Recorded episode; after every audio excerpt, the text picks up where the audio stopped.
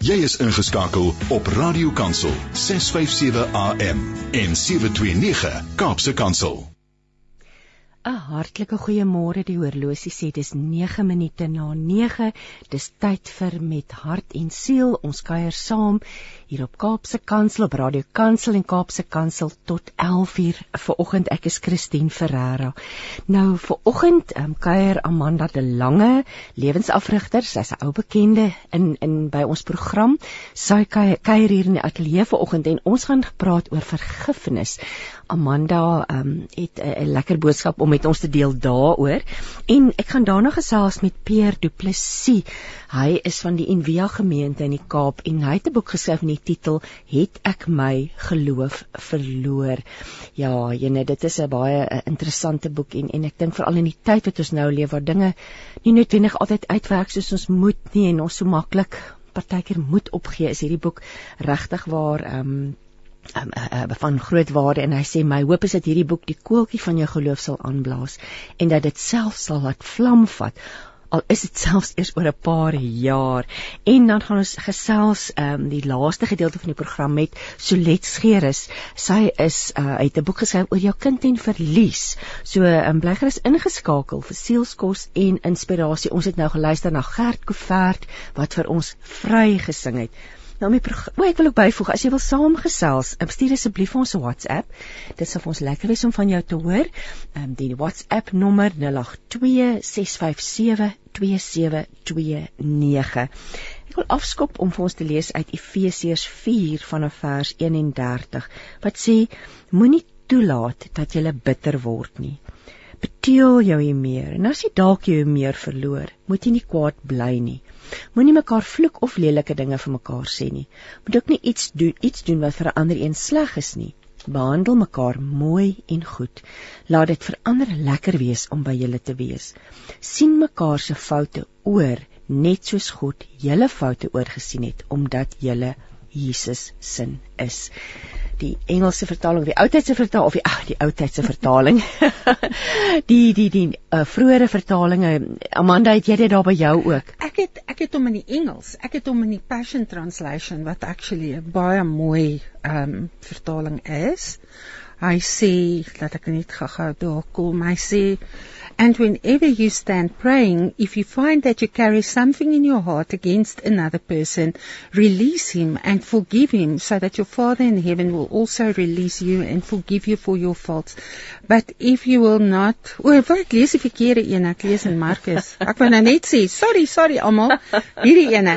But instead be kind and affectionate toward one another. Has God graciously forgiven you? Then graciously forgive one another in the depths of Christ's love love. Amanda vergifnis is 'n moeilike ding. Daar is al so baie gepraat en gesels oor vergifnis. Jy's 'n lewensafrigter. Eh, jy eh, help mense om hulle lewe weer in orde te kry, op die pad te kry vanuit 'n Christelike perspektief. Um dis vir jou baie belangrik. Hmm. So vergifnis is dikwels 'n bron van bitterheid. Dis dikwels iets wat ons terughou om vorentoe te beweeg. Ja. En ehm um, ja, jy jy het vir my gesê jy het onlangs tot 'n baie interessante nuwe insig tot vergifnis gekom. Vertel vir ons 'n bietjie meer hieroor. Ehm um, ek dink soos soos almal anders loop ek nou al 'n lang pad met vergifnis en ek wil net eintlik begin om te sê dat alles wat ek geleer het het ek weet jy ek het nie moeilike manier. Ek is nie so gebore nie. Ja. Ek het 'n tydjie gevat en ek dink almal van ons um worstel daarmee maar ek dink die belangrikste kopskuif vir my was uh om te verstaan dat vergifnis is nie 'n emosie nie. Want my lewe lank het ek gedink dat ek het iemand vergewe wanneer ek in my hart daai warm and fuzzy soos die Engelse ja, sê. Nou ja. voel ek weer lief vir jou. Nou voel ek weer ja, okay met ja, jou. Ja. En dan het ek eers hulle vergewe. En een van die goed wat ek gevoel het die Here my leer is dat ons moet onderskei tussen vergifnis en genesing. Dis twee verskillende goed. Vergifnis is 'n opdrag. Ons vergewe ongeag van hoe ons voel, ongeag van die emosies. So ek kan jou nou vergewe en môreoggend opstaan en weer vir jou kwaad voel. Dit Want dis eintlik hoe dit meestal vir die meeste mense ja, werk, nê. Nee. En dit beteken nie dat die vergifnis wat ek gister gegee het nie gewerk het nie. al wat dit beteken is dat my emosies is nog nie genees nie. Hmm. Nou moet ek die emosionele proses uitwandel van my genesing vir dit waardeur ek gekwets is of wat my lewe aangeraak het op watter manier ook al. Maar ons ons het die twee goed een gemaak in dieselfde ding om te dink dat dat vergifnis is 'n proses en ek werk deur my vergifnis. Nee, jy werk deur jou genesing. Maar jy kan ook net deur genesing werk as jy eers vergewe het. Genesing vloei uit vergifnis voort. Vergifnis vloei nie uit genesing voort nie. En ek dit dit vat eintlik daardie las van ons af. Ja. Om te dink maar dit dit ek moet dit doen. Dis deur die Heilige Gees wat jy ja. dit kan doen. Dis 'n dis dis actually wat dit is is en ek ek ek gebruik met huiwering die woorde, maar ek gaan dit gebruik ek, ek hoor my hart. Dis amper 'n transaksie wat jy doen. So dis dis in 'n mate is vergifnis 'n intellektuele ding. Jy doen dit, jy's gehoorsaam want die woord sê vir jou jy moet vergewe. So jy doen wat die woord vir jou sê. Jy tree op uit gehoorsaamheid. Jy hoef nie te voel dat dit oukei okay is nie. Jy hoef niks te voel emosioneel nie. Die emosies wat jy wat volg is genesing. Dit dit kan 'n proses wees en daai proses kan jou 'n tydjie lank vat. Jy kan vandag vergewe en vir die volgende week elke dag opstaan en kwaad wees en seer wees. En elke keer moet jy jouself dan dis dis wat die Here my geleer het, is dan gaan jy en jy trek daai emosie terug na wat jy weet jy gedoen het ek het vergewe. Ek ek stel hierdie ding, hierdie pyn nou vry. Ek gee dit vir U, Here. Bring die genesing vir my. Help my om ook vry te kom in my emosies van hierdie ding wat met my gebeur het. Dis da, so die eerste gebed of mens sal sê Here help my om te vergewe of en dan spreek jy vergifnis uit maar dan wat ek nou verstaan van jou parallel met dit moet jy hierdie gebed om genesing bid. Ja. Jy het 'n beeld ook gehad van ja. So wat wat wat wat ek het eendag met 'n kliënt gesit en gesukkel om vir dit te verduidelik en toe spring hierdie prentjie net op my kop in. As jy daaraan dink as jy jou arm of jou been breek, dan sit hulle vir jou gips om. Ja. Okay, in die ou tyd toe hulle nog gips gebruik het. Dan het hulle vir jou gips om jou arm gesit. Dit het jou arm in plek gehou. Maar die arm binne is nie genees nie. Hmm. Maar jy hoef nie elke dag dokter toe te gaan vir nuwe gips nie. Jy gaan een keer vir die gips. Hy sorg dat daai ding in plek gehou word vir die genesing wat nou moet gebeur met die been binne in die arm. En dis die dis so daai vergifnis wat jy uitspreek dien as 'n omhulsel as jy dit so kan stel as om by daai beeld te hou hy stel die wond in staat om genees te word En dit bring ons terug by die kruis, nê? Ja. Want ons word genees yes. deur dit en wat hy deurgemaak het. Een van die goed wat ek besef het, soos soos wat ek begin het om 'n studie te doen daarvan, is dat ons verstaan wat Jesus se vergifnis of se kruisdood vir ons gedoen het en dat dit vergifnis vir ons gebring het vir ons sonde. Maar die genade wat ons ontvang het van hom af om vergewe dat hy ons vergewe wat daai selfe genade doen vir ons is om ons in staat te stel om ander te vergewe soos wat hy vergewe. Dis die kwalifikasie wat ons nie altyd wil hoor nie is dat ons is geroep om te vergewe soos hy vergewe het. Dit ja dit dit, dit is vir baie van ons baie moeilik ja. nie. En en dit is met vrygewigheid. Uh daar's my so mooi skrif wat ek ontdek het.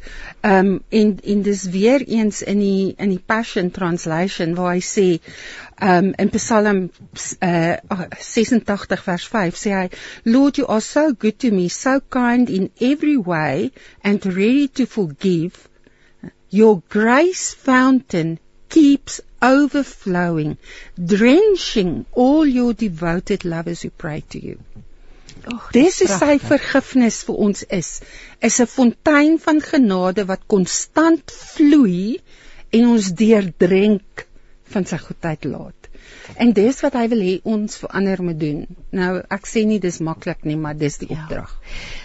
Bitterheid. Kom ons praat 'n bietjie oor bitterheid en en jy sê ook ons kies soms om onsself met 'n muur van onvergewensgesindheid te omring. Ja. En jy sê ook ons kies dit al weet ons nie eers ons kies dit ja. nie. Kom ons praat 'n bietjie hieroor. Wanneer wanneer ek sê en hier is die ding wat die meeste van ons se, se uh, worsteling met vergifnis is omdat ons die aksie van vergifnis aan ons emosies koppel. OK. Hmm. So wat ek dan doen is ek sê kan jy nie vergewe nie want kyk wat het jy aan my lewe gedoen. Ja.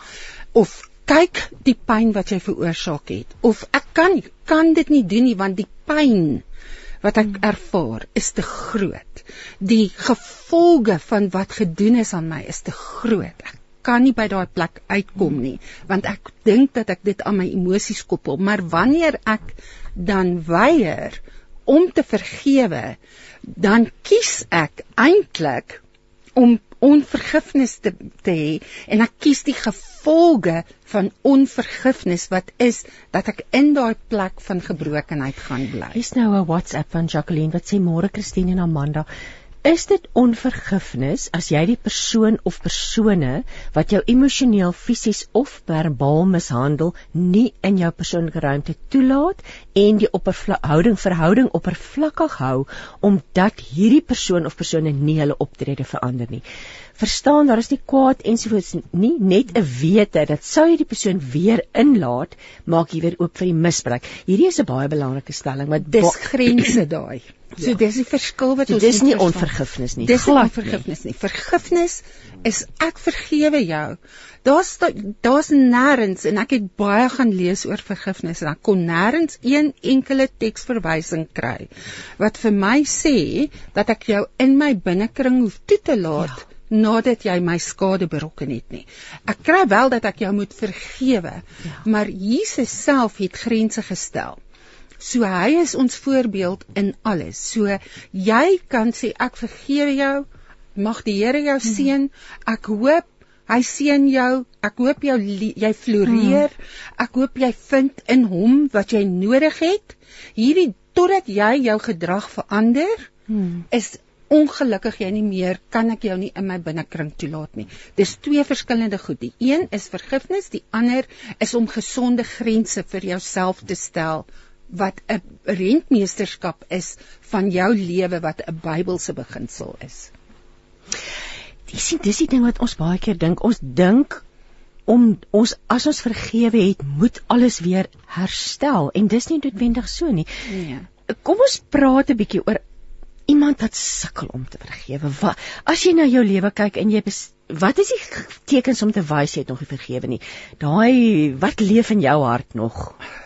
So een van die een van die goed wat jy sal ervaar en ek ek dink dis daar's 'n baie reeks van goed wat jy kan ervaar. Hmm. Maar is dat dat dit is vir jou moeilik om vir daai persoon werklik die guns van die Here toe te wens. Ja. Jy om hulle werklik te wil seën in hulle lewe. Jy's eintlik nog kwaad. Jy's nog kwaad. Ja. Jy is nog rou.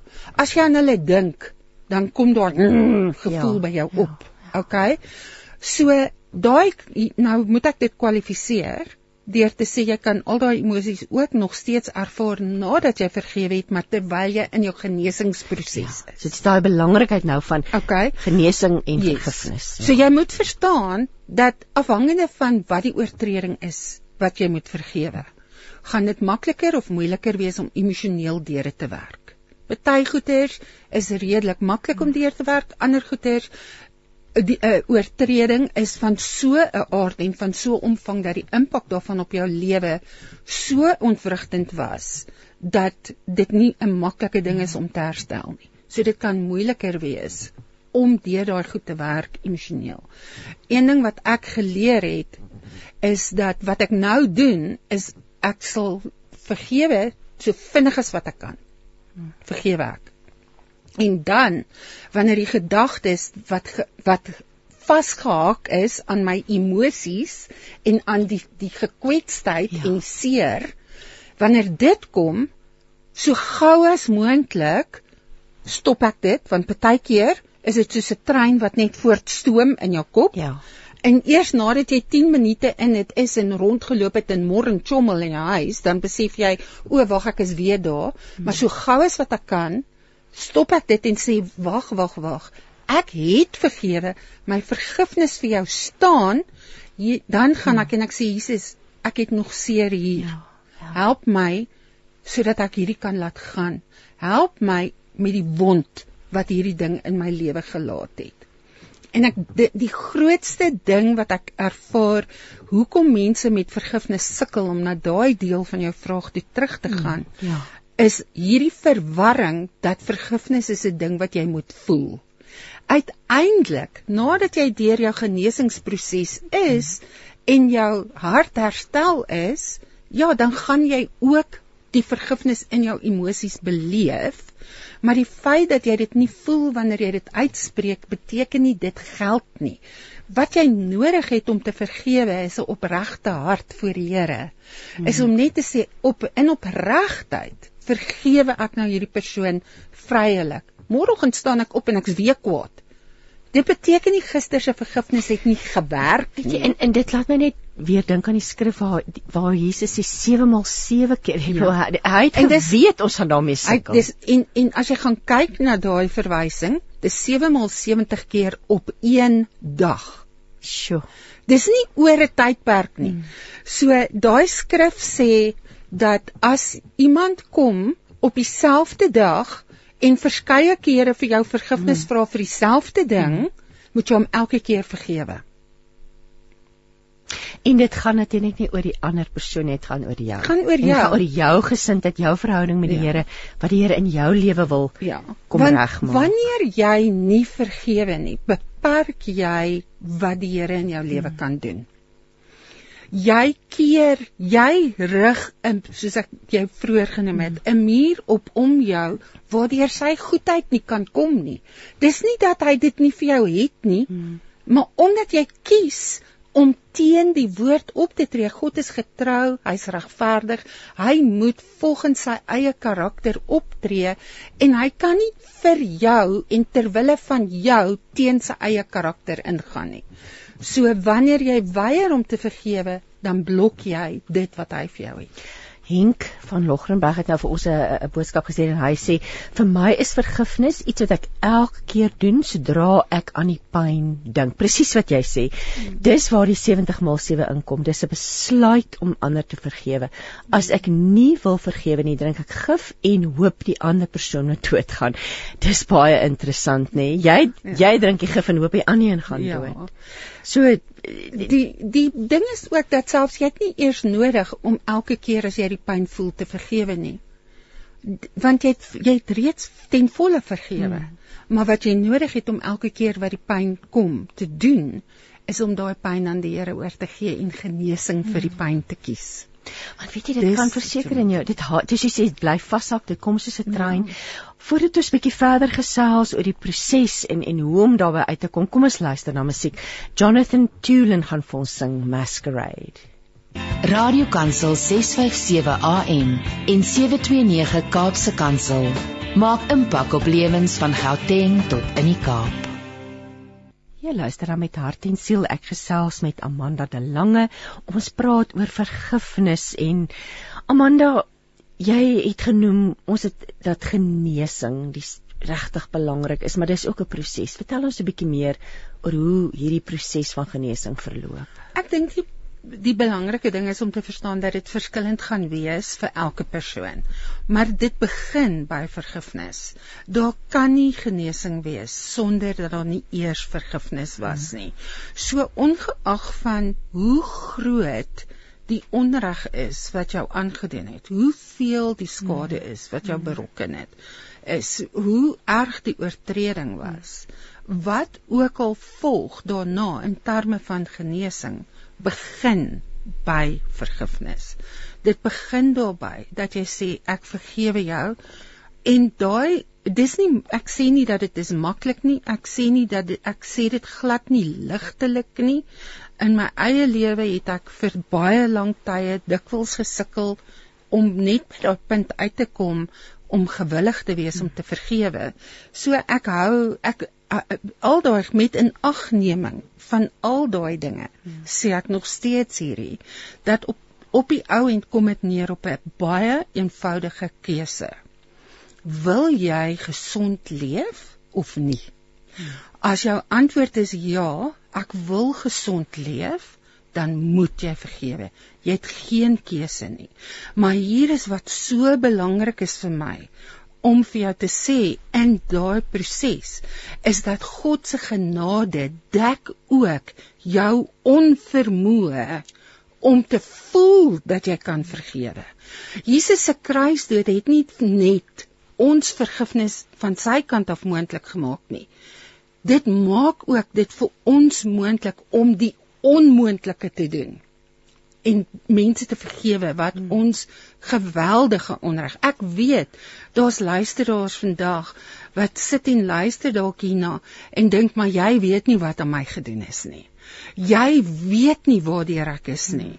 En ek wil vir jou sê ek weet dalk nie waar jy is nie en ek weet dalk nie wat aan jou gedoen is nie, maar Jesus weet. En hy het geweet toe hy die opdrag gegee het dat jy moet vergewe, het hy ook geweet waartoe jy gaan. Maar hier is 'n baie baie iets wat my so opgewonde gemaak het toe ek dit gehoor het of toe die Here my dit gewys het. Uh en ek hoop dat dit die luisteraars net so opgewonde sal maak. Vergifnis bring ons nie net op 'n pad van genesing nie. Wat vergifnis ook doen is dit stel ons vry om al hoe meer en meer in ons ware identiteit te leef van wie hmm. ons bedoel was om te wees. Wie Jesus ons geskep het om te wees. Toe hy ons aan mekaar gewewe het, elke een van ons in die baarmoeder, het hy reeds 'n plan vir ons lewe gehad. Hy het 'n bestemming vir ons gehad. En onvergifnis kan keer dat ons in dit leef.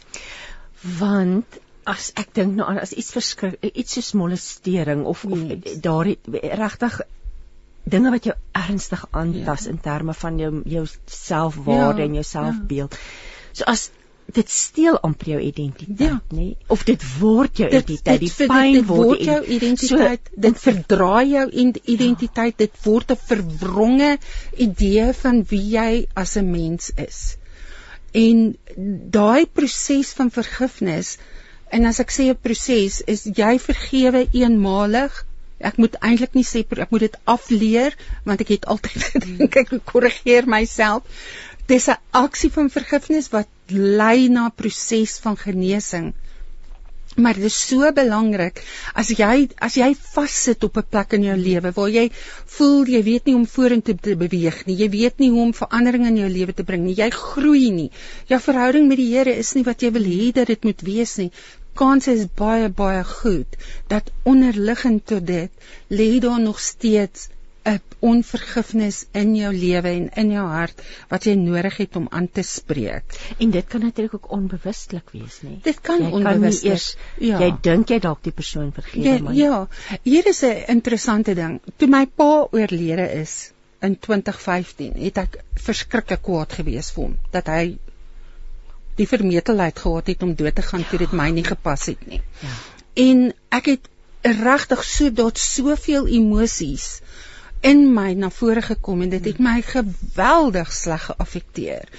En die Here het my my gaan sit as gevolg van al die dit was soos 'n afwaartse spiraal waarin ek opgeëindig het, waarin ek nie eens meer met die Here regtig kon praat, sy teenwoordigheid kon ervaar enige iets nie. Ek was so afgestomp en in hmm. so donker put gewees.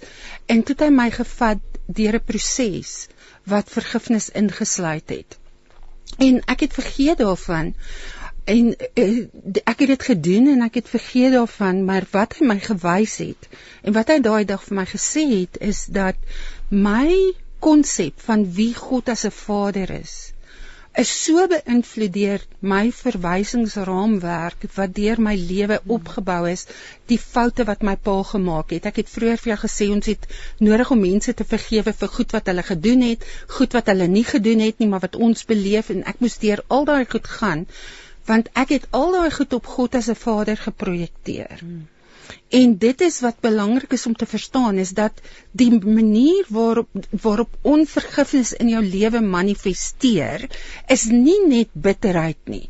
Dis nie net daai al goeders wat ons so weet nie. Dit manifesteer ook op die manier dat jy nie in staat is om 'n verhouding met God te hê soos wat hy wil hê dat jy dit met hom moet hê nie. Jou uitkyk op die lewe word gevorm deur elke interaksie of elke voorval in jou lewe wat jy nog nie vergewe het nie.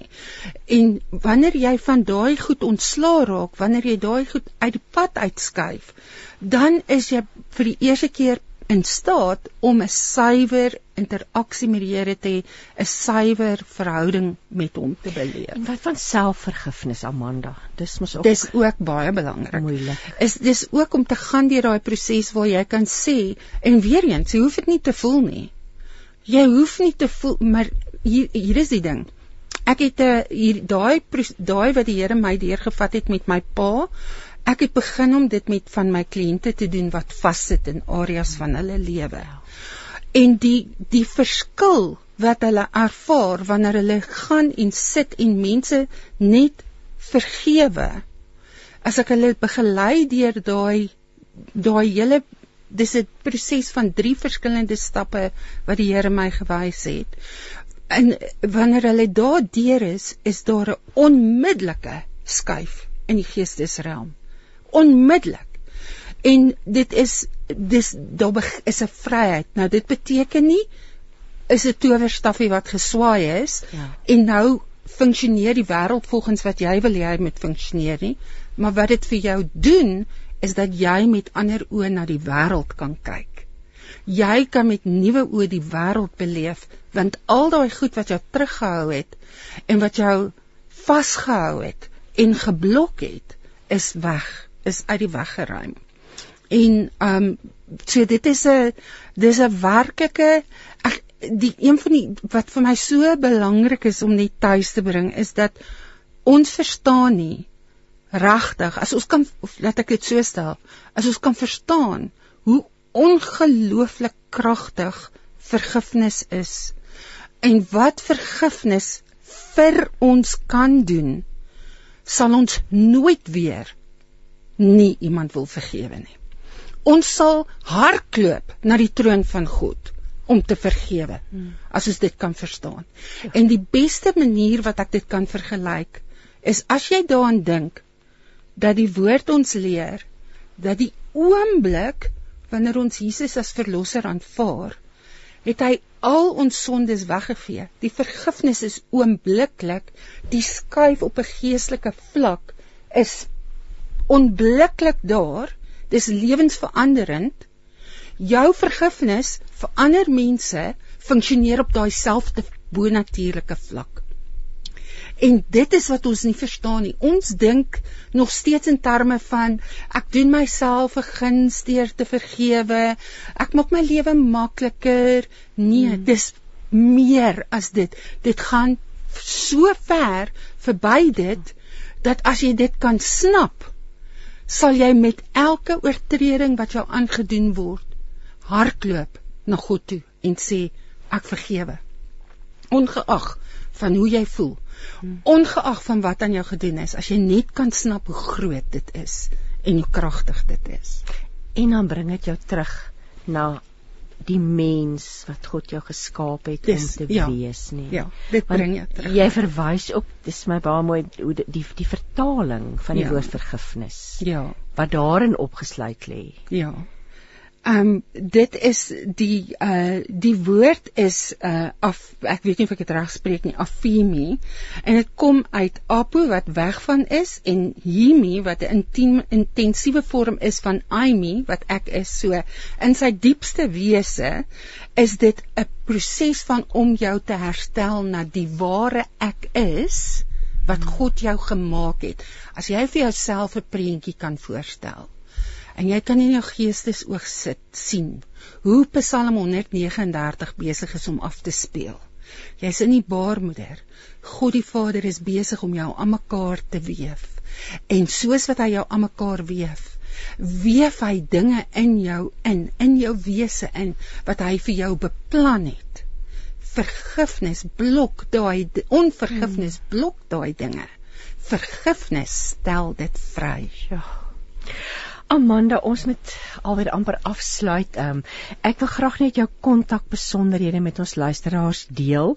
Um, jy kan 'n e-pos stuur na Amanda d.lange sonder die e d.lange@gmail.com of jy kan vir Amanda kontak op 084 609 0344 en dan het jy twee spesiale aanbiedinge wat jy vir oggend vir ons luisteraars ja, so die die een is eintlik 'n spesiale aanbieding die ander is is is net 'n voorbou op ons gesprek vandag. So ek het vir vroue maand wat nog duur tot volgende woensdag het ek 'n spesiale aanbod vir alle wel dis vroue maand so. Kom ons gee voorkeur aan die vroue hierdie keer waar jy 4 sessies van 'n uur lank by my kan bespreek teen net R1000 so dis 'n 75% afslag.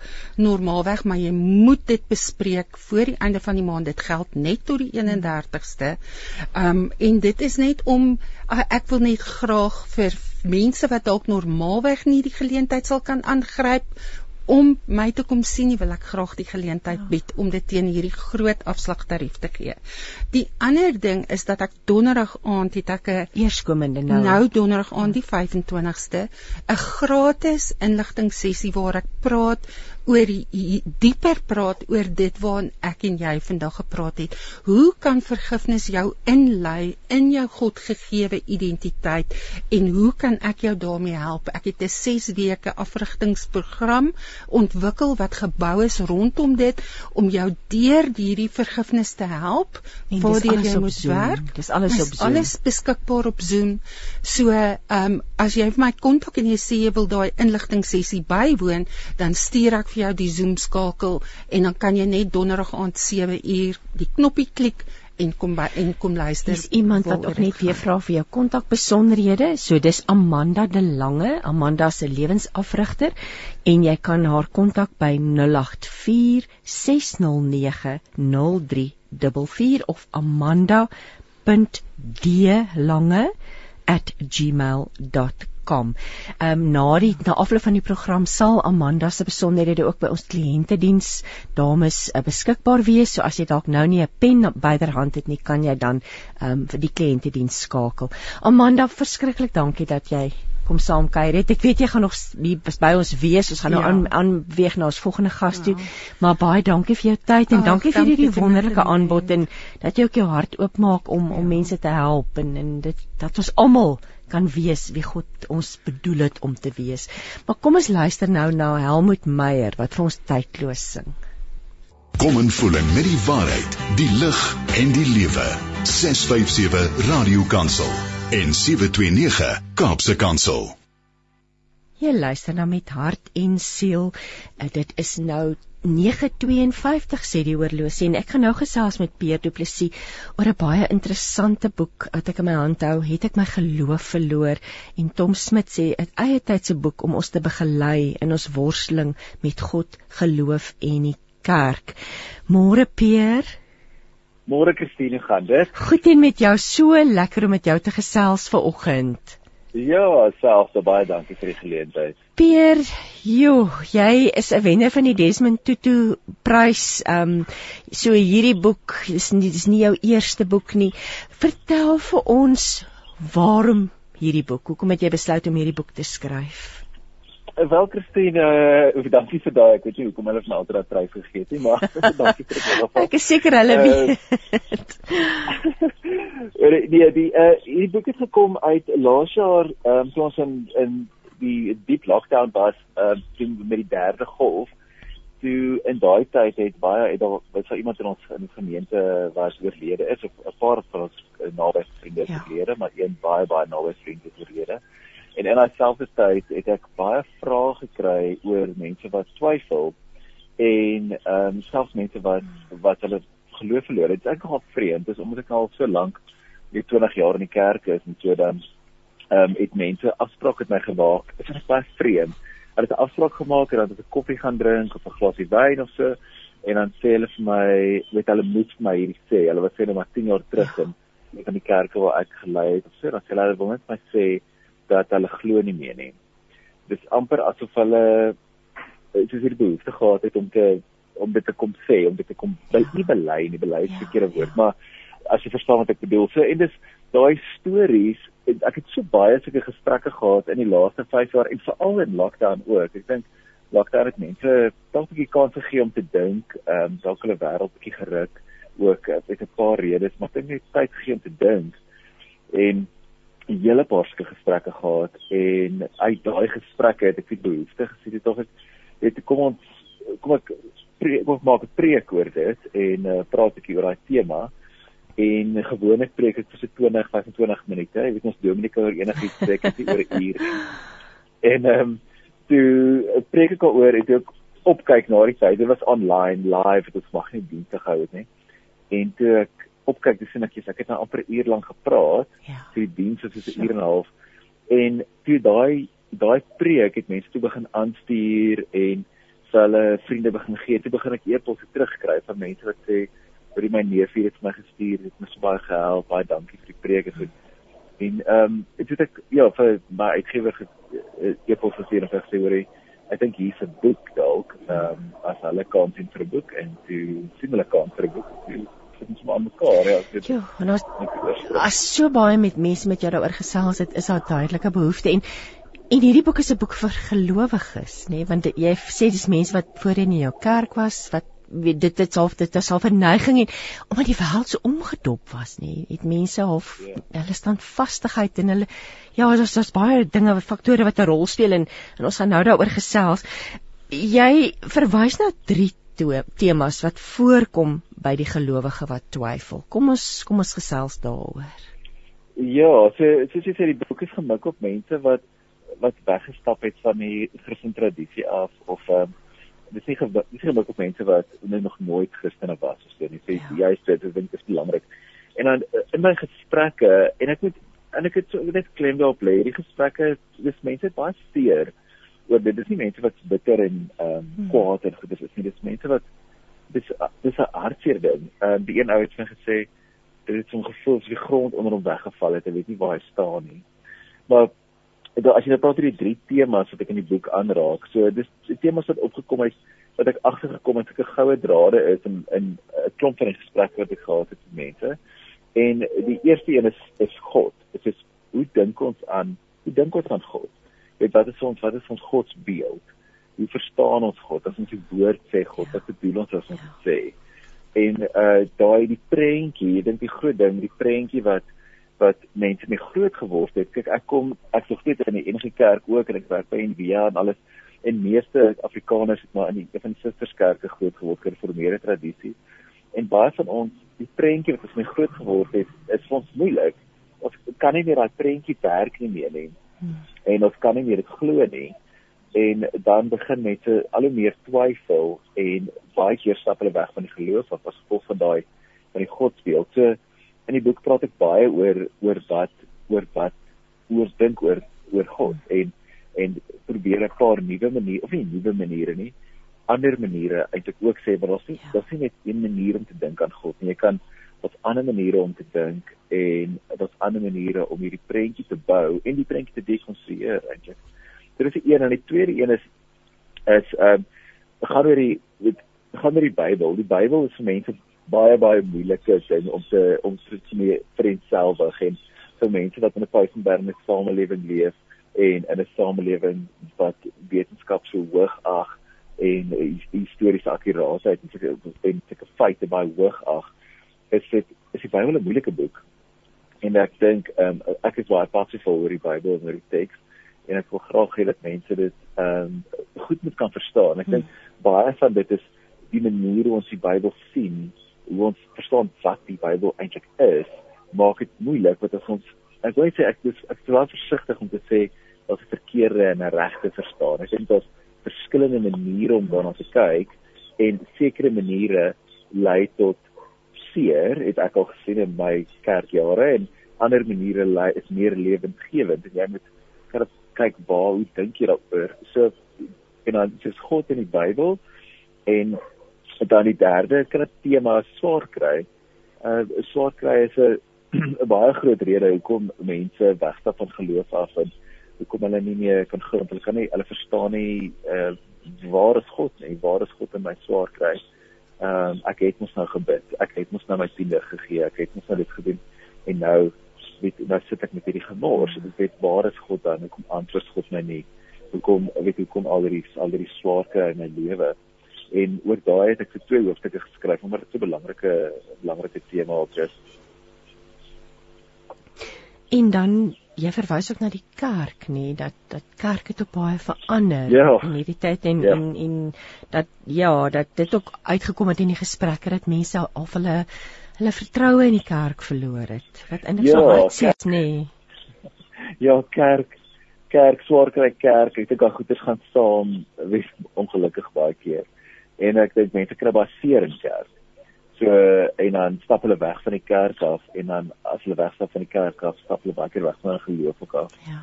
So daai is 'n ek die tema oor vleuel so 'n bietjie so as jy sê maar God en Bybel waarheid swaar kry kerk, ag dis loop so 'n bietjie saam. Dis vir my so mooi jy sê ek is lief vir die kerk foute en al sy verdien nog 'n kans. so dit is absoluut wat jy dan ook hierdie hierdie boek doen om om dit vir mense oop te breek dis vir my so mooi want ons ons ons, ons praat nou oor, oor mense wat twyfel. Wat ek gaan nou jou ek weet jy het nou die hele boek geskryf in die in in in in in, al die antwoorde lê daarin opgesluit, maar wat wat is jou antwoord dan as mense voor jou sit en hulle sê ek het my geloof verloor? Wel ek dink ek nooi mense gewoonlik uit om my om hulle reis met my te deel. Om te sê maar waar hoe hoe voel jy jy het verloor of jy verloor is ook nie altyd die regte woord nie. Party mense kies, hulle kies dit. Hulle sê ek ek ek het agterkom ek, ek glo nie meer nie en ek wil nie meer glo nie. Want hulle kies dit. So dis 'n baie interessante proses ook van van mense wat hulle geloof wegstap van geloof of hulle geloof verloor. En ehm um, ek nooi mense uit om 'n storie te vertel. En ek 'n groot deel van mense se storie ehm um, dis belangrik dat hulle hulle storie kan hulle kan stem gee daaraan, dit hardop kan sê vir iemand. Uh ek dink daai is baie baie belangrik en ek probeer of praat met mense deur deur hulle redes of deur deur hulle twyfel en deur hulle deur hulle wonder en um 'n groot deel kom ek so baie skryf vir twyfel ook in die boek is dat die twyfel is nie verkeerd nie. Hmm. En ek dink baie van ons het geleer dat twyfel is sonde. En jy mag nie twyfel nie, jy mag nie vra vra nie. En meer gereeld as nie het mense 'n ruimte nodig en die kerk is verstel om daai ruimte te wees en te gee waar hulle net kan kan vra vra en waar hulle kan twyfel en kan sê maar hierdie hierdie hierdie godsbeeld werk nie meer vir my nie. Ek weet dit is baie moeilik om die storie van Noag en die ark te glo. Dis hmm. ek verstaan nie werk die skepingsverhaal nie. En waar ek meer as een keer stories gehoor het van mense waar hulle daai tipe vrae begin vra in die kerk dan word hulle op uitgesny of het gesê my mag dit 'n vraag vra nie, jy weet glo net. En daai antwoord is ek genoeg vir mense, nie so om mense uit te nooi om in hulle vrae in te leef. Ek meen dis daai ehm um, Renier Renier Marie Rilke, die filosoof en teoloog gesê het, ons is nodig om in ons vrae in te leef eerder as om net dit probeer dooddruk of 'n te vinnige antwoord. Want as jy die vrae leef, dan leef jy jouself dalk eendag 'n antwoord in.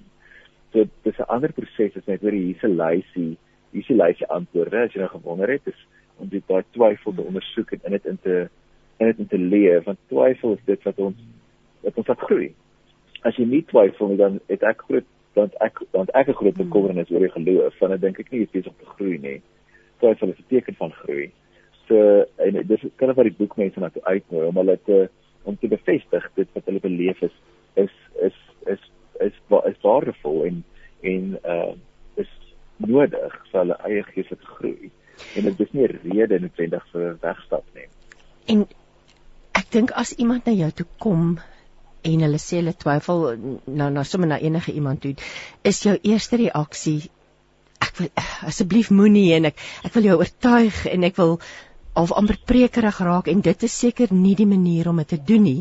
Um ek wil nee. Eh, ek weet nou vir jou baie ouers, soos hulle kinders ouer word, dis maklik as hulle nog in die huis is en hulle gaan sonder skool toe en hulle saam met jou in die kerk, maar daar kom 'n stadium dat hulle studente word of jong werkende mense of iets gebeur met hulle wat hulle hulle vertroue in die Here laat verloor, maar dat hulle begin twyfel aan hulle geloof en dit met jou deel. Watter raad het jy aan ouers wat wat met hierdie gekonfronteer word? Ek sou sê as iemand my antwoord sê iemand wat sê hulle twyfel, ek sê altyd dis ek dis my great dat jy mm. twyfel. Want dit beteken jy is besig om te dink. Ehm um, so kan ek jou begelei in jou denke. Kan ek saam met jou dink hieroor en kom ons vra vra saam. En kom ons ondersoek dit saam. Hier kom ons ons gaan na ons gaan na die boek na boeke toe, ons gaan ondersoek dit, ons gaan praat met mense. Ons ons ons ons, ons ontdek hierdie vraag saam. Ehm um, ek daai is my beste antwoord want of iemand net te sê oor hierdie antwoord. Maar dalk het jy antwoord partykeer is twyfel eenvoudige goedjies en mense het net 'n ek skryf in die boek ook net oor swaar kry. Ek dink baie keer as jy as jy 'n goeie kommentaar het of uh, oor die Bybel of 'n ja, klein stukkie goeie teologie kan meeste antwoorde oor swaar kry antwoord. Maar baie keer het jy nie dit nodig, maar baie keer lê daar goed baie dieper as dit om uit te kom by hoekom jy twyfel en dit die, die idee is nie om mense terug te kry na hulle was voor hulle getwyfel het nie dis om hulle te skuif na 'n nuwe plek toe. Om te sê ek maar jy kan daar ander maniere om te dink. En jy kan hierdie anders integreer in jou geloof in. Jy hoef nie die vrae te sê stap nie. Dis my mooi. Jy jy jy verwys het iets wat jou ma gesê het, um, spoeg uit die grate en eet die vis. So ja. dat jy dat jy regtig dan stel hulle maak hulle vrou om te gaan ondersoek instel weet en, ja. en, en en en dan die ware God te ontdek en en dis my ja. verskriklik mooi wat jy ook sê dit die lens wat jy gebruik om die Bybel mee te lees is is die narratief dis die storie jy sê jou teologie ja. is 'n narratiewe teologie vertel ons so 'n bietjie meer daaroor Ja, so ek ek skryf 'n boek oor oor dat ons 'n hoofstuk oor die Bybel en ehm um, ek dink die die, die die manier hoe ons uit die Bybel kyk is baie baie belangrik. Ek dink as jy as jy na die Bybel kyk as 'n boek wat wat uit die hemel uitgeval is, net so woord vir woord en weet God het dit presies so neergeskryf in die mense wat maar net amper skei robotte wat dit wat dit oor oorgeskryf het dan dan dan jy eintlik 'n Koran, dan jy eintlik die Bybel nie. So net ja. wat mekaar sê. So ja. die Bybel is 'n storie. Dit is 'n storie van God wat sy mense kom red en wat hy skepping herstel. Dis die dis die storie vir baie op baie eenvoudige manier uitgedruk. En daar's 'n paar hoofstorielyne in die Bybel, die storie van skepping, die storie van Israel, die storie van uh van Jesus, die storie van die kerk. Daai is vyf ses lyne in die Bybel. En wanneer jy met die storie ehm um, met die storie werk, dan kom jy uit by wat die waarheid is. Dis is is 'n sê ding, ek dink ek het dit geskryf, ek geen reg onthou nie of ek moes in elk geval. As gesê ek kan nie onthou of hierdie presies is hoe dit gebeur het maar die storie is waar. En die die waarheid en die autoriteit van die woord lê in die in die narratief. Dit sê enigiets wat jy lees op enige plek in die Bybel as jy die versie het of wat ek al sê hy ehm um, pas hierdie in by die narratief wat ek verstaan van wie God is en wat hy besig is te doen in die wêreld. Want daai is die waarheid. En dit is die dit is die, die woord van God. Die, die woord van God is nie die letters op die op die bladsy nie.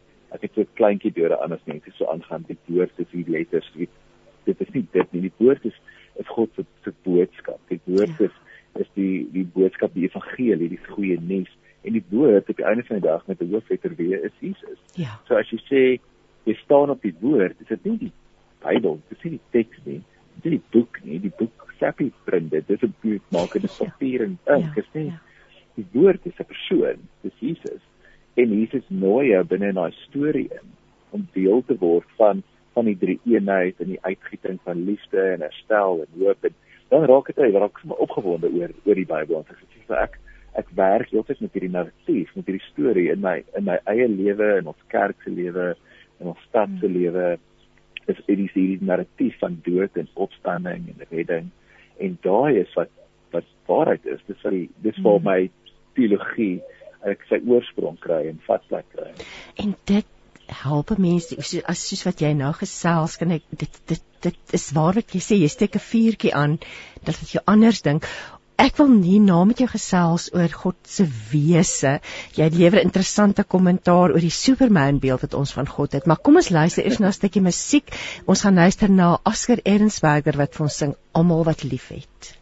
Jy is ingeskakel op Radio Kansel 657 AM en 729 Kaapse Kansel. Dis 11 minute oor 10 ek gesels met Pierre Du Plessis oor sy boek Het ek my geloof verloor. Dit word uitgegee deur Lux Verbi en um, die boek is gemik daarop om vir ons te wys dat daar verskeie maniere om God en godsdienst te be, te, te beleef en Peer nooi is uit om vrae te vra.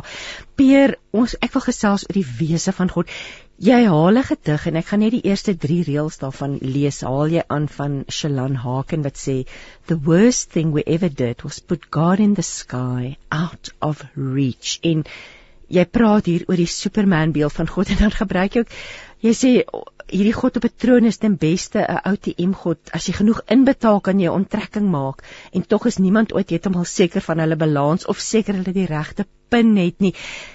Dit jo, kom ons praat 'n bietjie hieroor want dit is dis wat ons doen. We we've put him out of reach and he's eintlik in ons harte, nê. Ja, dis uh, God is eintlik oral. Die ehm um, dis dis vir baie interessant want ek dink daai is die die God as wese. So ja, om te dink ja. as as as God as 'n as 'n superwese. Met ander woorde hy hy is 'n 'n persoon of 'n identity of 'n 'n entity in Engels, 'n entiteit. Ja, die entity nie uh en hy bly Ek verloor jou nou soop daar sê. So, jammer, ek het beter. Ja. Okay, so hy uh God God bly iewers. Hy is iewers, elders. Jy weet daar word altyd reën, waar is ons kind? Dit's elders. So God is is is 'n wese ons verstaan hom as 'n superwese. Soos iets wat soos ons is, maar net maar net beter. So as ek dan word ek as 'n mens kan goed wees, dan is God baie goed. Ja. As ek ehm um, dan is doen dan kan God dit baie groot is. Dis daai daai idee en amper 'n superman beeld. Ek gebruik in begin van daai ek het daar as 'n episode van um, die Simpsons en ek is 'n groot uh, aanhanger van die Simpsons en hulle hulle teologie en spesifiek baie interessant. Daar's eintlik 'n great book vir gospel according to the Simpsons wat dit eintlik bietjie ontleed op 'n akademiese vlak. Maar dat een signeel waar vir die mense wat ek ken nou met Simpsons die pa dan is hy in moeilikheid en dan sê hy um I'm not a praying man but you if you're if you're out there please save me superman. Hmm. En dis al vir jy dink ek gaan sê ek gaan bid vir God en dan bid hy eintlik vir Superman maar en maar ons sien God se Superman. So die hy, hy is iewers anders en as ons genoeg bid of die regte woorde sê of soet genoeg is of die regte ja, doen. Ja. Ons dien ons diende betaal of dit genoeg geloof het of wat ook al doen dan sal God reageer en ons kom help en kom red soos Superman. En die die die as ek en wat my baie interessant is, as ek as ek meeste mense prontuit vra, hoe glo jy dat God sit hier bo ons in die lig op 'n troon en hy ehm um, weet hy stuur engele en goedes rond en af en weet glo jy glo jy dat hulle sê nee, ek glo nie dit nie. Ek glo nie God daar's 'n hemel is 'n plek en hmm. die hel is onder die aarde. Weet, ek glo nie dit nie. Maar en dit is my interessant is ons leef asof ons dit glo.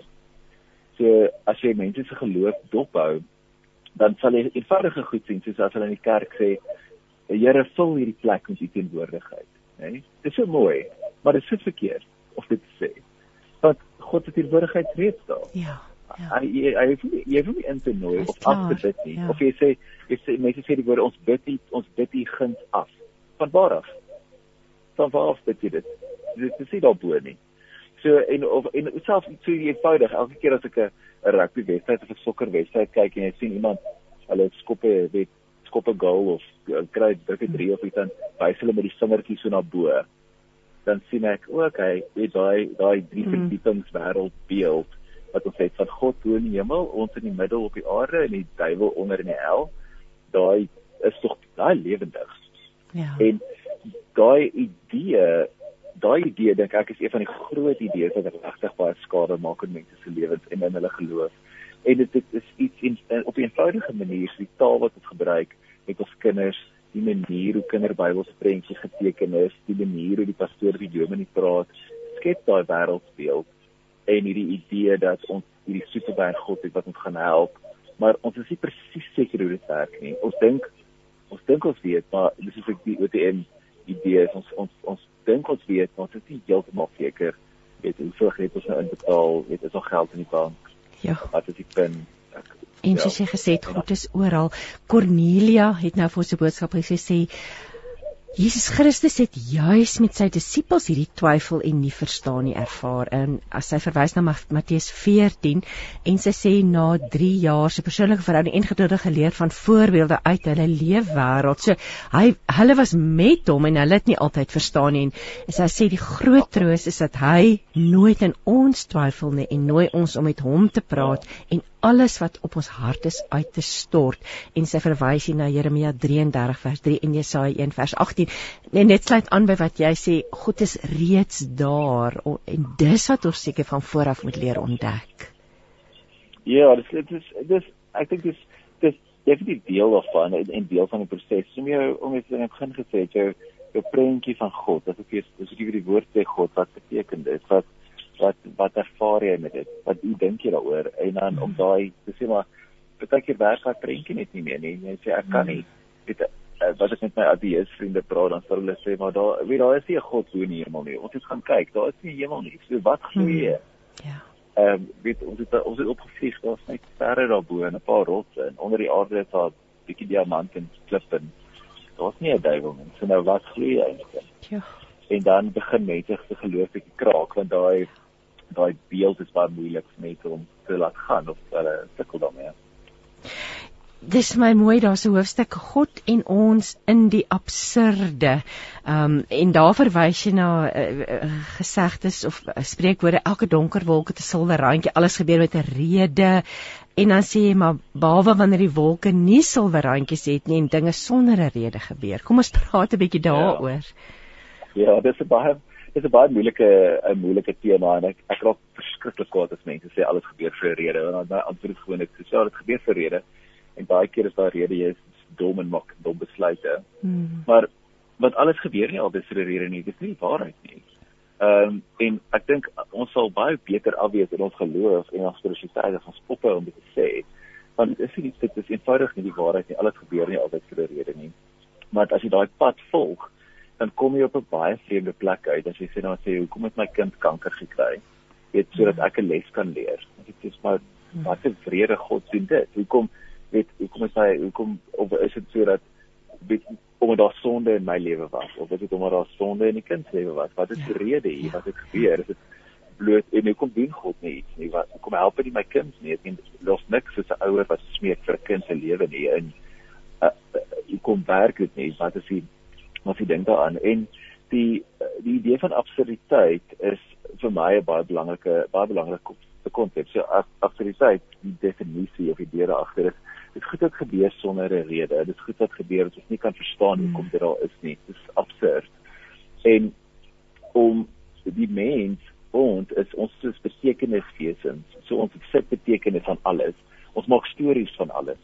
So ons ehm um, jy kan net uitkyk aan die nou op na die sterre en dan maak ons 'n storie oor die sterre en ons teken prentjies in die sterre. Ons wil die hele tyd beteken het om 'n Engels meaning koppel aan alles in die wêreld. Hoekom hoekom skyn die son vandag? Hoekom nee, hoekom moet dit hoekom is ek hoekom is ek ryk? Hoekom is ek arm? Ons wil die hele tyd ons vertel vir onsself stories om betekenis te kan maak en dan baie keer is dit seker goed het gebeur wat ons nie stories kan vertel nie en waar dinge net absurd raak en een van die goed soos die een skrywer sê dat as jy as jy byvoorbeeld die ehm um, die die die Holocaust vat in die Tweede Wêreldoorlog waar die Jode uh, vermoor is of selfs die genocide in Rwanda en jy en jy begin en jy probeer betekenis daaraan heg dan is dit dit raak vulgair om te sê die die, die rede hoekom dit gebeur het is so om die Jode sterk te maak of die rede hoekom dit hmm. gebeur het is om die mense in Rwanda 'n les te leer dat hulle eerder dit, dit, dit jy kan dit sê nie.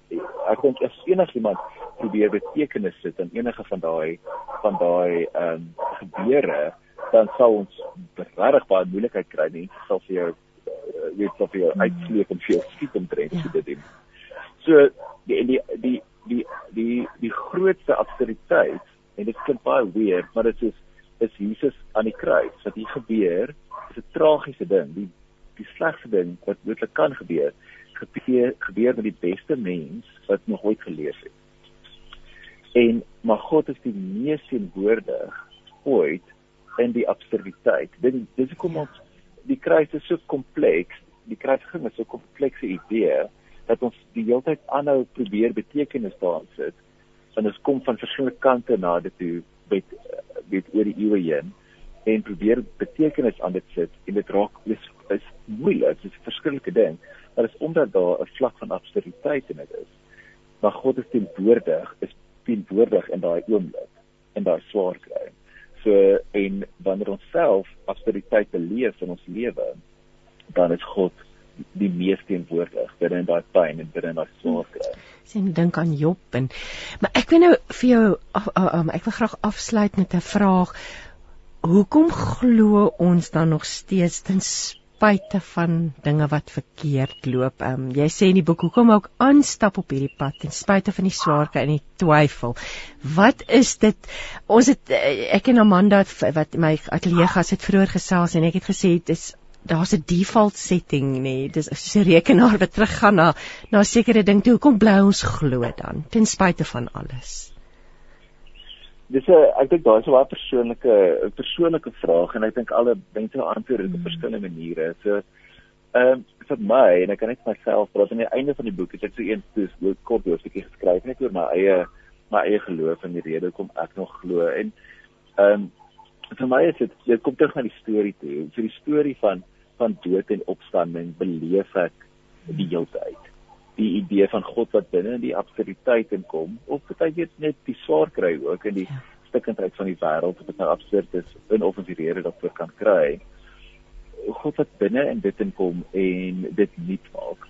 Die die storie van dood en opstanding is dit my wat my wat my inspireer wat my dra en wat ek beleef. Ek dink weet mense sal my weet sal glo glo in die opstanding glo in die opstanding. As ek natuurlik glo in die opstanding ek sien dit elke dag. Hmm. so en daai is die rede is is, is een van die redes hoekom ek hoekom ek aanhou glo. En ek dink die hele die hele narratief en die tradisie die Christen Joodse Christen tradisie grawe dit gee vir my betekenis dit help my dit gee my 'n kaart om die wêreld mee te navigeer en selfs tot binne die absurde. En dit gee my maniere om te dink oor oor die wese van God en oor ander gelowe en oor hoe mense God verstaan. En daai ek het dit nog nie uitgeput nie. Ek dink ek sal dit ooit uitput nie, maar ja. Ek daai om daai te beleef en daai dood en opstanding te beleef is uh kom. So my so, my so mooi weet jy sê dat ons sien dit elke dag en as ons ons oë daarvoor gaan oopmaak, gaan ons dit nog meer en meer waarneem. Jo, ja. Pier, ek wil net die titel van die boek herhaal ter wille van ons luisteraars. Dit is Het ek my geloof verloor? Die skrywer is 'n uh, 'n predikant Pierre Du Plessis en dit is die uitgewer is Lucas Verbi. Ek neem aan dis beskikbaar by alle vooraanstaande Christelike boekwinkels en ook gewone boekwinkels en natuurlik ja. sekerlik aanlyn. Ehm um, uh, as jy ja. na die NB um um bladsy toe gaan www.nb.co.za sal jy natuurlik ook die boek aanlyn kan bestel nie waar nie. Ja, hy's op hy's op, op op al die aanlyn winkels beskikbaar en op uh, as 'n e-boek ook en uh, by al die al die goeie boekwinkels. Ag, Peer, my wens is dat hierdie boek in in elkeen wat twyfel se hande sal beland en dat jy sê dat jy bid dat mense hulle geloof sal terugvind al vat dit jare en um, dankie dankie vir hierdie boek. Dankie dat jy bereid is om moeilike vrae te takel en ja, en hierdie boek te geskryf het. So alles seën vir jou en nogmaals dankie vir jou tyd vanoggend. Dankie Christine, ek waardeer dit. Kom ons luister na musiek. Freddie Wessels gaan vir ons sing Great Love. Jou daglikse reisgenoot 657 Radio Kansel en 729 Kaapse Kansel. Dit is 10:31. Ek is Christine Ferreira. Jy luister na met hart en siel en ek hou in my boek, ag my hand 'n boek vas met die titel Jou kind en verlies, um, deur Solet Sheres. Ons gaan nou met Solet gesels al die pad uit Nederland uit, maar ek wil graag begin om ehm um, 'n stukkie wat voor in die boek geskryf staan te lees net sê alle kinders van alle agtergronde, van alle rasse, van alle geslagte, van alle intelligensies en van alle gelowe het die reg daarop dat die verlies wat hulle ervaar erken word, het die reg op behoorlike ondersteuning, het die reg op genoeg tyd om hulle hartseer te verwerk en meer mens te word. Goeiemôre Solet. Baie dankie vir die wonderlike voorreg om met jou te kan gesels, hier so so vanuit die noorde uit. Ek dronen, dronen, hoe spreek mense Noord-Brabant? ja, dronen. dronen. Ek weet jy was pas in Suid-Afrika gewees en jy's nou weer pas terug in Nederland en ek is so bly om vanoggend met jou te gesels oor hierdie boek. Jo, wat 'n tydige boek in terme van die tyd wat ons deur is en ek dink ons leef maar of ons dit nou wil erken of nie in hierdie post-covid tyd waar soveel verlies beleef is deur so baie en veral weer kinders. So ek wil nou vir jou vra Solet, wat het jou laat besluit om hierdie boek te skryf? Dit is nou vir my wonderlik dat jy sê in die post-covid tyd want ehm um, voor die eerste covid gevalle hier in Nederland gebeur het het um Louis Geiker van Lapa vir my gevra of ek sou belangstel om so 'n boek te skryf. En toe het ek ewe kere gaan sit en 'n klomp navorsing gedoen en vir hom gesê, "Kyk, Louis, dit is wat ek dink wat 'n mens in so 'n boek moet skryf, maar ek gaan hom nie skryf nie." En toe kom COVID. En tydens die COVID tyd het ons 'n hele paar verliese gelei as gesin en familie. En by my op skool is daar ook 'n kind toe ehm um, dood aan kanker. En ewe skielik was ek gekonfronteer met die feit dat ek nie regtig weet hoe om met kinders oor die dood te praat nie. En toe het ek kontak opgeneem met Louie en gesê Louie, kan ek nog daai boek vir jou skryf? Ja. Want ek wil myself nou leer hoe om dit behoorlik en goed te doen. Veral omdat ek 'n onderwyseres is, is dit vir my belangrik om te weet hoe om kinders te begelei.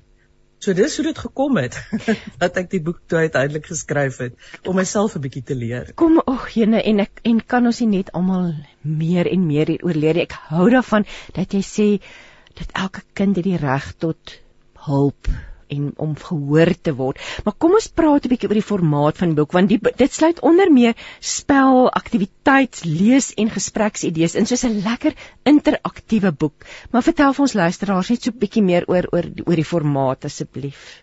Ja, die die boek bestaan um uit twee hoofdele. Sê maar die eerste gedeelte gaan oor die teorie en die tweede gedeelte gaan dan oor praktiese aktiwiteite wat 'n mens met kinders kan doen.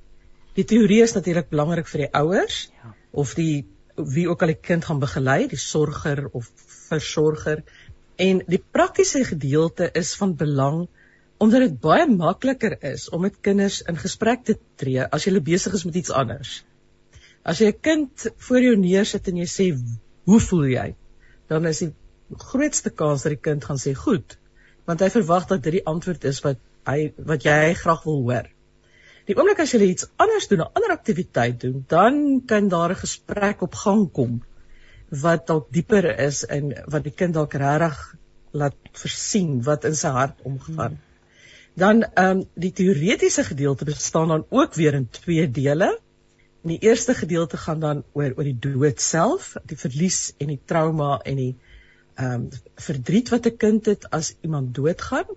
En die tweede gedeelte van die teorie gaan oor egskeiding. Want of ons dit nou wil glo of nie, maar ehm um, 'n kind ervaar egskeiding net so erg amper soos wanneer iemand doodgaan. Kom ons praat oor eh, die verskillende ouderdomme wat jy want jy jy uit die aard van die saak kinders van verskillende ouderdomme ervaar verlies op verskillende maniere en jy skryf regtig in diepte daaroor die boek. So ek wil nou vir jou vra kan jy dalk vandag vir ons 'n paar riglyn of voorbeelde gee oor hoe om hierdie verskillende ouderdomsgroepe dalk effektief te benader? Eintlik kom dit daarop neer hoe om oor die dood te praat. Ja, Christine, weet jy, ek dink die heel belangrikste ding wat almal in hulle ore moet knoop, is dat jy moet tyd maak. Nog voor jy kan dink wat jy vir 'n kind gaan vertel, moet jy seker maak dat jy voldoende tyd inruim om rustig te sit en rustig met 'n ernstige gesprek met die kind aan te gaan. Dit klink nou vreeslik formeel, maar ons leef in so 'n ongelooflike gejaagde lewe dat 'n mens baie keer vergeet dat as jy gou-gou iets vir 'n kind sê, dit nie regtig 'n in diepte gesprek is nie. Jy moet regtig 'n rustige plekkie kry waar jy lekker kan sit. En dan wat die verskillende leeftye betref, ek dink vir alle ouderdomme is dit belangrik om kinders te laat verstaan dat die dood deel is van die siklus van die lewe. Dat niemand die dood ontkom nie. en dat dit daarom 'n natuurlike proses is. Jy weet, ehm um, kinders, veral tieners en ouer kinders en um, ouer peuters en kleuters is nogal geneig om te dink dat hulle skuld het aan iemand se dood. Mm.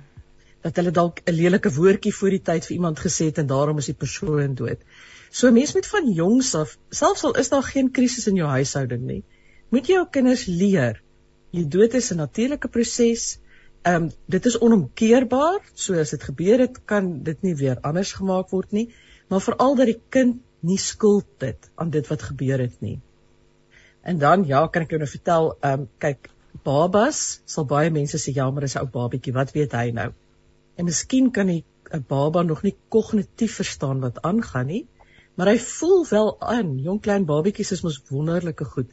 Hulle kan aanvoel as daar onrus en ongelukkigheid in hartseer in 'n huis is. So dis ook belangrik om vir selfs die kleinste kinders in daai spesifieke tyd um, meer rus te gee, veiligheid te bied, meer drukkies te gee, stywer vas te hou. Ehm um, ek weet die Hollanders het so 'n wonderlike gesegde rust en regelmaat. Ooh, ek maar hou daarvan. ja, vir so 'n klein babietjie is rust en regelmaat nog al 'n 'n goeie idee. Ag en dan kry jy natuurlik jou jou kleuters wat wonderlike fantasie het. So daar moet 'n mens veral versigtig wees dat jy nie dubbelsinnig praat nie. Weet jy as jy vir 'n kleuter sê ouma slaap nou, dan gaan daai kleuter dink dat ouma weer een of ander tyd gaan wakker word. ja. Jy weet of as jy byvoorbeeld sê oupa is dood omdat hy oud was, dan is dit vir kleuter moeilik om ouderdom in te skat. Die ouder ek, hy gaan dalk dink, maar my ma's ook oud, binnekort mm, gaan dit met haar ja, ook gebeur. Ja. En ehm um, as ek nou praat van laerskoolkinders, hulle kry heeltemal 'n um, soms 'n makabre belangstelling in in wat gebeur. Jy weet 'n kind sal sommer vir jou vra maar groei ouma se naels nog in die kus. En baie ouers dink ek kan skrik as 'n kind sulke brutale vrae vra. En dan is dit belangrik om te weet dis maar net pure nuuskierigheid. En jy hoef nie vreeslike lang verhale daaroor kwyt te raak nie. Jy kan maar net vir 'n kind die basiese biologiese feite gee. En weet jy, dis hoekom dit so belangrik is, um, as jy 'n huisdier het, of 'n voeltjie langs die pad raakloop om dalk regtig 'n begrafnis te hou vir daai dier. Sodat 'n kind kan leer hoe die hele proses werk. Jy weet, ek in die ou dae, Christine, jy sal seker onthou, het ons almal saam gegaan na troues en begrafnisse toe ja, ons kinders was. Ja, ja. En deesdae word dit nie meer sommer gedoen nie. En ek weet iewers in my boek staan daar ook geskryf dat ehm, 'n um, begrafnis is nie 'n byeenkoms vir volwassenes nie. 'n begrafnis is 'n ritueel vir alle mense. So dis baie belangrik dat jy jou kinders en veral jou laerskoolkinders en jou tieners betrek by wat so begrafnis alles behels en hulle deel daarvan maak dat hulle nie buitegesluit voel nie en dat hulle nie voel dit is nie deel hulle word nie gesien nie as jy verstaan wat ek bedoel. Ja, dis weet jy en dit is so interessant wat jy nou sê ons doen dit nie meer nie. Selfs die belangrikheid daarvan om 'n troue by te woon, al hierdie rituele wat ons anker in hierdie lewe, um, ja. wat nou op sy geskuif word, so vat die kind saam na die begrafnis toe en en weer eens 'n wonderlike gespreksgeleentheid en die belangrikheid van daai ritueel. Ek die, ek ek blaai hierdie boek. Weet jy dis nou hier's lieflik. Ek ek kyk na die een deel wat sê my onthou boek waar jy plek maak en en waar die kinders hulle ver, eh, en ek dis meer gekoppel 'n gemik seker vir 'n ouer kind, maar waar hulle dan allerlei dinge kan doen, fotos plak, verf 'n klippie. Waar het jy aan al hierdie praktiese idees gekom? Want dis baie kreatiewe idees rondom die verwerking van van die dood en verlies. Jong, ek het wyd gesoek, baie gelees. en en en maar gekyk wat se idees daar alles bestaan. Daar is eintlik oneindig baie literatuur beskikbaar. En natuurlik vir um, professionele sielkundiges en mense wat roubegeleiding doen, is alles wat ek in my boek geskryf het ou nuus. Dis dis nie nuut nie. Hmm. En ek moet vir jou sê Christine, ek sê op meerdere plekke in die boek ook, as jy agterkom dat jou kind 'n groot probleem het wat jy nie kan oplos nie, dan is dit natuurlik van absolute kardinale belang dat jy die kind na 'n professionele persoon toe ja, vat. Ja. Ja, die boek is nou nie 'n vervanging van van dit nie. Maar ja, die kreatiewe idees is weet jy ons daar's deesdae sulke wonderlike goed wat 'n ou by 'n kunswinkel kan koop. Jy kan sulke lekker dinge maak saam. En soos ek sê, is, is as jy besig is met iets anders en jy praat dan met 'n kind, dan kry jy dikwels 'n baie interessanter verhaal as wanneer jy 'n kind direk konfronteer. Kom ons praat oor egskeiding want soos jy reg genoem het, dit is 'n groot realiteit en 'n geweldige verlies vir 'n kind. Wat wat leer jy ons? Soms so, ek weet ons het nie baie tyd nie. Ek weet daar's baie wat jy geskryf het, maar wat as jy nou vandag 'n paar gedagtes kan deel rondom die kind se hantering en van die verlies rondom egskeiding? Ek wil graag dat ouers besef dat as jy 'n egskeiding positief en goed benader en as jy regtig soos twee volwasse mense wat baie moeilik is, ek verstaan want egskeiding is 'n pynlike ding. Maar as jy dit soos twee volwasse mense benader en besluit ons gaan die beste vir ons kinders doen in ons skeiding, dan hoef 'n kind nie so baie pyn en lyding en ellende en verlies te ly nie. Die verlies wat 'n kind ervaar in egskeiding kom veral as twee volwasse mense verby die kinders kyk en met mekaar beklei. As hulle as dit ons praat hier in Nederland van 'n vegskeiding. As dit nie meer 'n egskeiding is nie, maar 'n vegskeiding. Dan is die grootste verliesers is die kinders.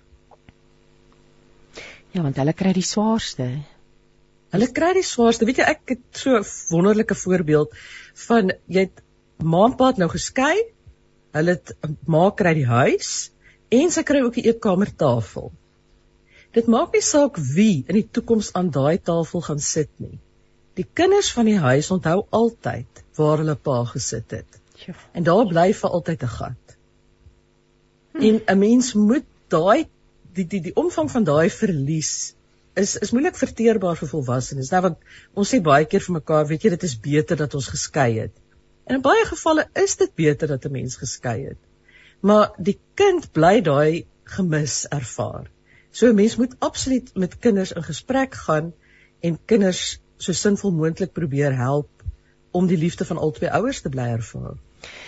Kom ons praat, weet jy, want jy praat, daar's 'n hele hoofstuk oor hoe om met kinders oor egskeiding te praat want dis dis seker van die moeilikste dinge om is om vir die kinders te sê dit gaan gebeur jy sê moenie te lank wag nie.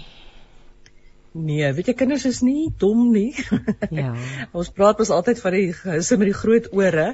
Ja. Hulle hoor, hulle verstaan. Hulle sien al praat jy nou op 'n ander plek of jy dink jy praat agter 'n toedeur. Dit as daar onmin in die huis is dan ja. is al die kinders op en wakker. Dan weet hulle presies wat gebeur. Hoe langer jy dit uitstel, hoe meer begin die kinders self fantasieer oor wat gaan gebeur en hoe dit gaan gaan. En jy weet dit is simpel goed, maar vir 'n kind kan dit 'n enorme angs word van as my ma en my pa nou nie meer by mekaar bly nie, by wie moet ek dan bly? Sê nou nie een van hulle wil my meer hê nie. Ja. Jy weet al sulke praktiese goed, hoe hoe gaan ek by die skool vir die maatjies vertel? So hoe eerder ma en pa saam sit en vir die kinders mooi vertel wat presies wat kan gaan gebeur, hoe gouer skep jy rus en hoe gouer kry kinders sekerheid dat jy weet hierdie dinge gaan dieselfde bly. En verduidelik vir hulle, jy gaan hierdie dae of as dit ouer kinders is dat hulle kies hoe by wie hulle wanneer wil bly want soms gaan dit is dit bloot prakties. Pa bly dalk naby die skool en ma baie ver van die skool af. Dan is dit dalk makliker as die kind, jy weet, by die pa bly in die week en in die naweke by die ma bly. En kinders is soms baie slim as dit kom by praktiese reëlings om 'n egskeiding. Dit is maar interessant jy noem, jy sê waak teen die volgende vals valstrikke, lekker woord. Ehm um, wie jy dit moet ons deel. Een van die goed is as jy te gerusstellend is. Ja, och Christine, jy weet hoe is 'n mens dan sê ag nee, wat dit is nie so erg nie ja, kom almal goed en dit gaan alles goed afloop dit gee vir 'n kind verstaan dat dit nie alles goed gaan uitwerk nie. En 'n hmm. kind wil nie valse gerusstelling hê nie. 'n Kind wil gewoon die feite hê. En hoe gouer jy reguit met die kind praat en sê dit is presies wat gaan gebeur, dan raak 'n kind baie meer gerus. Weet jy, um, een van die goed wat my die meeste getref het in my navorsing oor um, egskeiding is daai situasie waar een ouer die ander ouer so verskriklik swart smeer. Ja. En wat dan gebeur is oor 'n lang termyn haat die kind nader aan die ander ouer omdat die sê nou maar die moeder bly sleg praat van die pa. En wat dikwels gebeur is as kinders volwasse is, dan kom hulle agter dat hulle ma oordryf het en dat hulle ma baie dinge eintlik vir hulle gejok het, nie die hele waarheid vertel het nie. En die woede en die verdriet en jarelange behandeling wat daarna moet volg om regtig weer vrede te maak met die feit dat jou ma eintlik iemand swart gesmeer het wat toe glad nie so swart was. Ja, en dit bring eintlik weer verskriklike pyn in in in in net latere stadium in hulle lewe. Dit bring oneindig baie pyn. Ek weet ehm um, oral in die boek met met egskeiding en met die dood is dit veral met met tienerkinders sal altyd hulle eie pyn en verlies uitstel en hulle rouproses uitstel as hulle voel hulle moet 'n ouer beskerm. Ja. So as as sê nou maar jou ma en pa skei en die kinders bly by ma, dan gaan die kinders alles hulle vermoë doen om hulle ma gelukkig te hou en nie aan hulle eie hartsake aandag skenk nie. So dis baie belangrik dat dat beide ouers vir die kinders ook die ruimte gee om te sê maar hoe hartseer hulle is en wat hulle ervaar. Weet en dan die positiewe is by egskeiding kan jy kind se verlies en trauma verminder. By dood kan jy nie. Dit is finaal. Dit ja. daar gaan jy nou niks aan kan doen nie. Maar jy kan keer dat 'n kind nie sulke erge trauma ervaar by egskeiding nie. En natuurlik weer die verskillende ouderdomsgroepe. Dalk net so 'n paar riglyne Peters weet al ja, wat op tot met tieners. Ja, ek wil Ekskuus, ek praat nou boor jou. Ja. Nee, nee, nee. Van voor. ek sal graag iets wil sê oor tieners, want veral met egskeiding is tieners baie moeilik ehm um, jy weet hulle jy is nie meer die belangrikste persoon in hulle lewens nie. So hmm. dikwels gaan tieners dan hulle verdriet en hulle hartseer by iemand anders kwytraak, by 'n vriendin of by maats of op 'n ander plek. En dan raak dit al hoe moeiliker vir 'n ouer om regtig 'n sinvolle gesprek met so 'n kind aan te gaan. Of die tiener begin allerlei verdowingsmiddels gebruik of ag weet jy daar's so 'n lys van verskriklike goed wat kinders kan oorkom, eetstoornisse en selfskending en allerlei nare dinge. Ja. En is dan baie baie belangrik as 'n ouer agterkom maar ek kan nie regtig deurdrink tot my kind nie om vir daai kind eksterne hulp te gaan soek. Om seker te maak dat daar iemand anders is wat wel deur kan drink tot die kind. En selfs as jy as ouer dan verskriklik skuldig voel, onderdruk nou maar die skuldgevoel 'n bietjie en maak seker dat die kind hulp kry. En natuurlik die ouers sukkel ook dalk met hulle eie pyn. Mens moet dit ook nooit uit die prentjie uitlaat nie. Um dood en egskeiding. Met in beide gevalle is is maar die voorbeelde wat ek in die boek gee natuurlik nie heeltemal realisties nie, nou want mense wat wat wat beklei met mekaar beklei verskriklik. Ja. Of as iemand as jou geliefde gesterf het, dan sit jy met 'n enorme hoeveelheid pyn. Ehm um, veral met egskeiding is dit vir my baie interessant dat maar ook met die dood van iemand dat ehm um, oumas en oupas kan 'n wonderlike rol speel. Dit was nou my volgende vraag aan jou want jy wy ook 'n hele hoofstuk daaraan, jy weet, vriende, skool, ja. ou oumas en oupas, ja. So ek dink 'n mens moet probeer om om die hele ehm um, al jou naastes in die gemeenskap in te skakel om saam met jou te help om om die situasie op te los. Kyk, met oumas en oupas is ook 'n bietjie dubbel as dit by egskeiding kom. Ja. Maar dit kan gebeur dat die ouma en die oupa ook een van die ehm uh, mense, jy weet die die die ehm um, ander eggenoot gaan swart smeer. So een van my ehm um, wenke daar vir oumas en oupas is moenie deel word van die geveg nie. Hmm. Ehm um, wees daar vir die kinders of of vir jou kleinkinders, né, want jou kinders is besig om te beklei Wees daar vir jou kleinkinders en doen alles wat jy kan om jou kleinkinders te help in die tyd. Selfs as jy 'n veilige hawe vir hulle moet bied of as jy sien dit gaan finansiëel nie goed nie, maar hou jou uit die geveg uit. Want die oomblik is as grootouers ook deel word van die geveg, dan het die kinders eintlik nie regtig meer 'n plek om heen te gaan om hulp te kry nie. Ja, die belangrikheid van ondersteuning nê en jy sê as onderwyseres waar jy ook weet hoe praat ek met kinders oor die dood, nê? Nee? So die belangrikheid die die rol van die skool in in in in hierdie tyd. Christine is so verskriklik belangrik. Jy weet, ehm um, ag ek glo vas dat dat stout daar's nie regtig iets so stout kinders al hele uh, veral in die hoërskool nie. Maar daar's wel kinders met probleme. En 'n mens moet so versigtig wees om 'n kind gou-gou so etiket op te plak van hierdie kind kan ek nou glad nie hanteer nie. Dit is 'n mm. verskriklike monsteragtige kind. Jy moet seker maak dat jy presies weet wat by daai kind se huis aan die gang is. En baie keer vergeet ouers om die skool te laat weet dat kinders dat hulle besig is om te skei of dat daar 'n verlies was. So vanuit die skool en van die ouers af is dit belangrik om gereeld met mekaar in gesprek te wees en om seker te maak dat die skool weet wat by jou huis aangaan. En om seker te maak dat die kind weet dat daar 'n vertrouenspersoon by die skool is by wie hy enige tyd kan gaan praat en sy hart kan gaan oopmaak. Ek dink ook die skool het 'n verantwoordelikheid om in die algemeen kinders in te lig en voor te lig oor die dood. Hmm. Ehm um, dit on, jy hoef nie te wag tot daar iemand in die skool doodgaan om vir om vir kinders te vertel van die dood en van die siklus van die lewe en om kinders uh, handvatte te gee, hulle in Nederland hulp te gee om om as so iets te gebeur om om so 'n kind te help en te begelei. Ag, die Nederlands kan hom so pragtig wees. Ek o, oh, wonderlik handvatte. Vir my die interaktiewe en die die laaste laaste hoofstuk 9 nou hou eintlik vreeslik lank aan. Jy het 'n mhm. klomp idees, um, hoe jy interaktief um, op 'n kreatiewe manier kinders kan help om om om verlies te verwerk. Wie nie net so een of twee noem nie, dit is regtig hier is wonderlike idees. Um, so net so een of twee voor ons voor ons voor ons moet groet. Ek dink my gunsteling is die Japaneese vaas.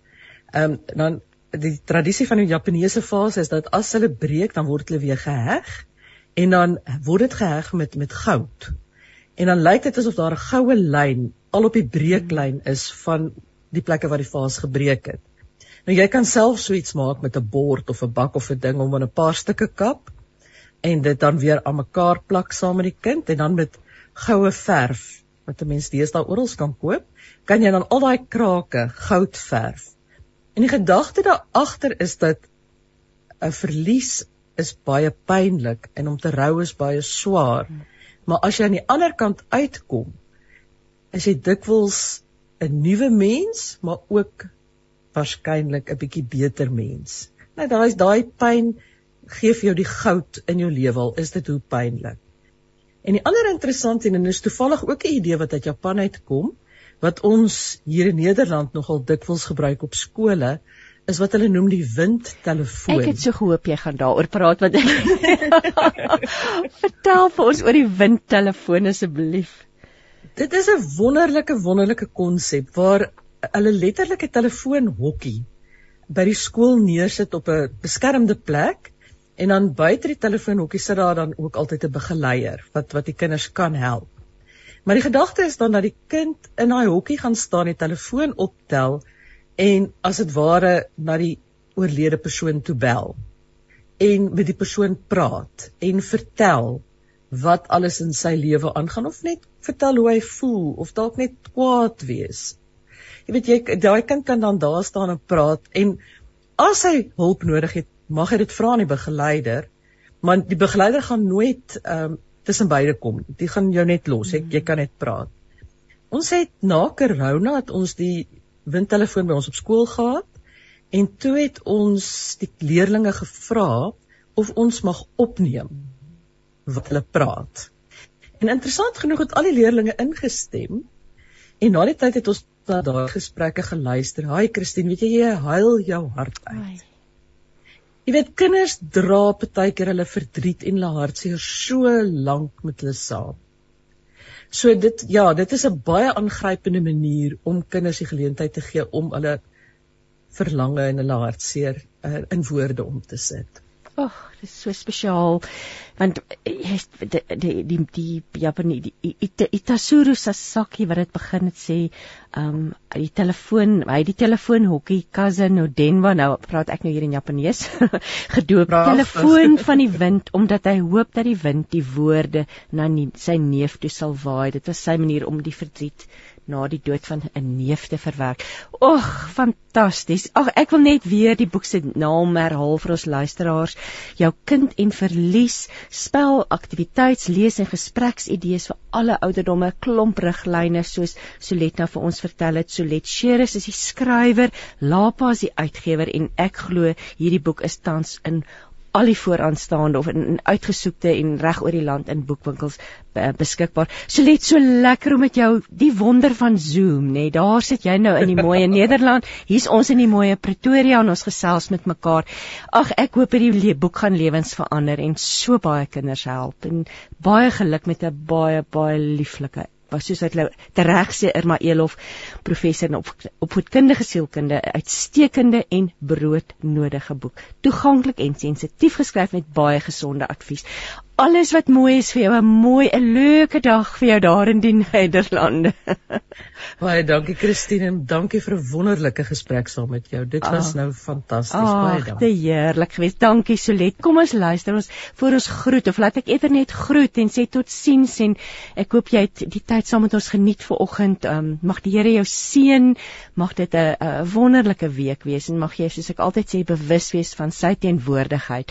Hy is oral soos Pierre Du Plessis tereg gesê het. Karen Kriege gaan nou vir ons sing. Dit is volbring. Tot volgende week dan. Totsiens.